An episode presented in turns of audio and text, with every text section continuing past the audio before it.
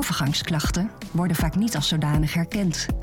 Opvliegers kennen we wel, maar dat je ook last kunt krijgen van paniekaanvallen, depressieve buien, hartkloppingen en allerlei andere vage klachten, dat weten de meeste vrouwen niet.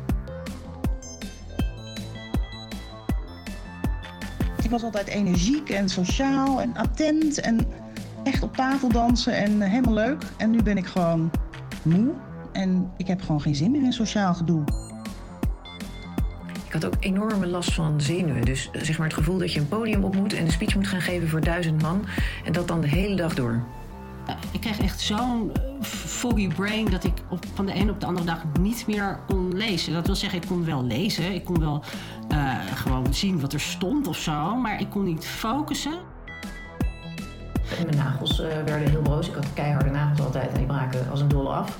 Uh, mijn haar viel uit met bossen tegelijk kramp op mijn borst. Het doet ineens echt zeer. En dan ineens moet ik naar adem snakken.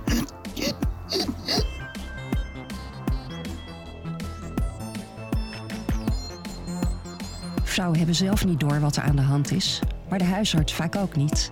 Waardoor er allerlei misdiagnoses ontstaan met soms verstrekkende gevolgen.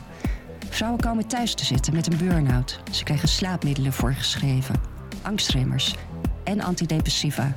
Ze voelen zich tekortschieten en ernstig in de war, omdat ze zichzelf totaal niet herkennen. Ik zat gewoon voor het raam en dan uh, dacht ik, nou, mijn leven is eigenlijk, heeft helemaal geen zin meer. Het kan maar beter voorbij zijn. Dat ik echt dacht, wie is die vrouw?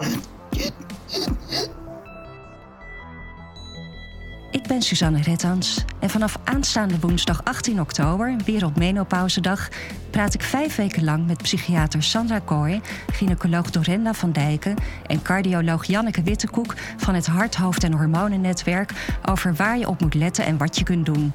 En met de ervaringsdeskundigen die soms jaren hebben gezocht naar een oplossing voor klachten die door niemand werden herkend. Welkom bij de podcast. We zijn zo niet gek,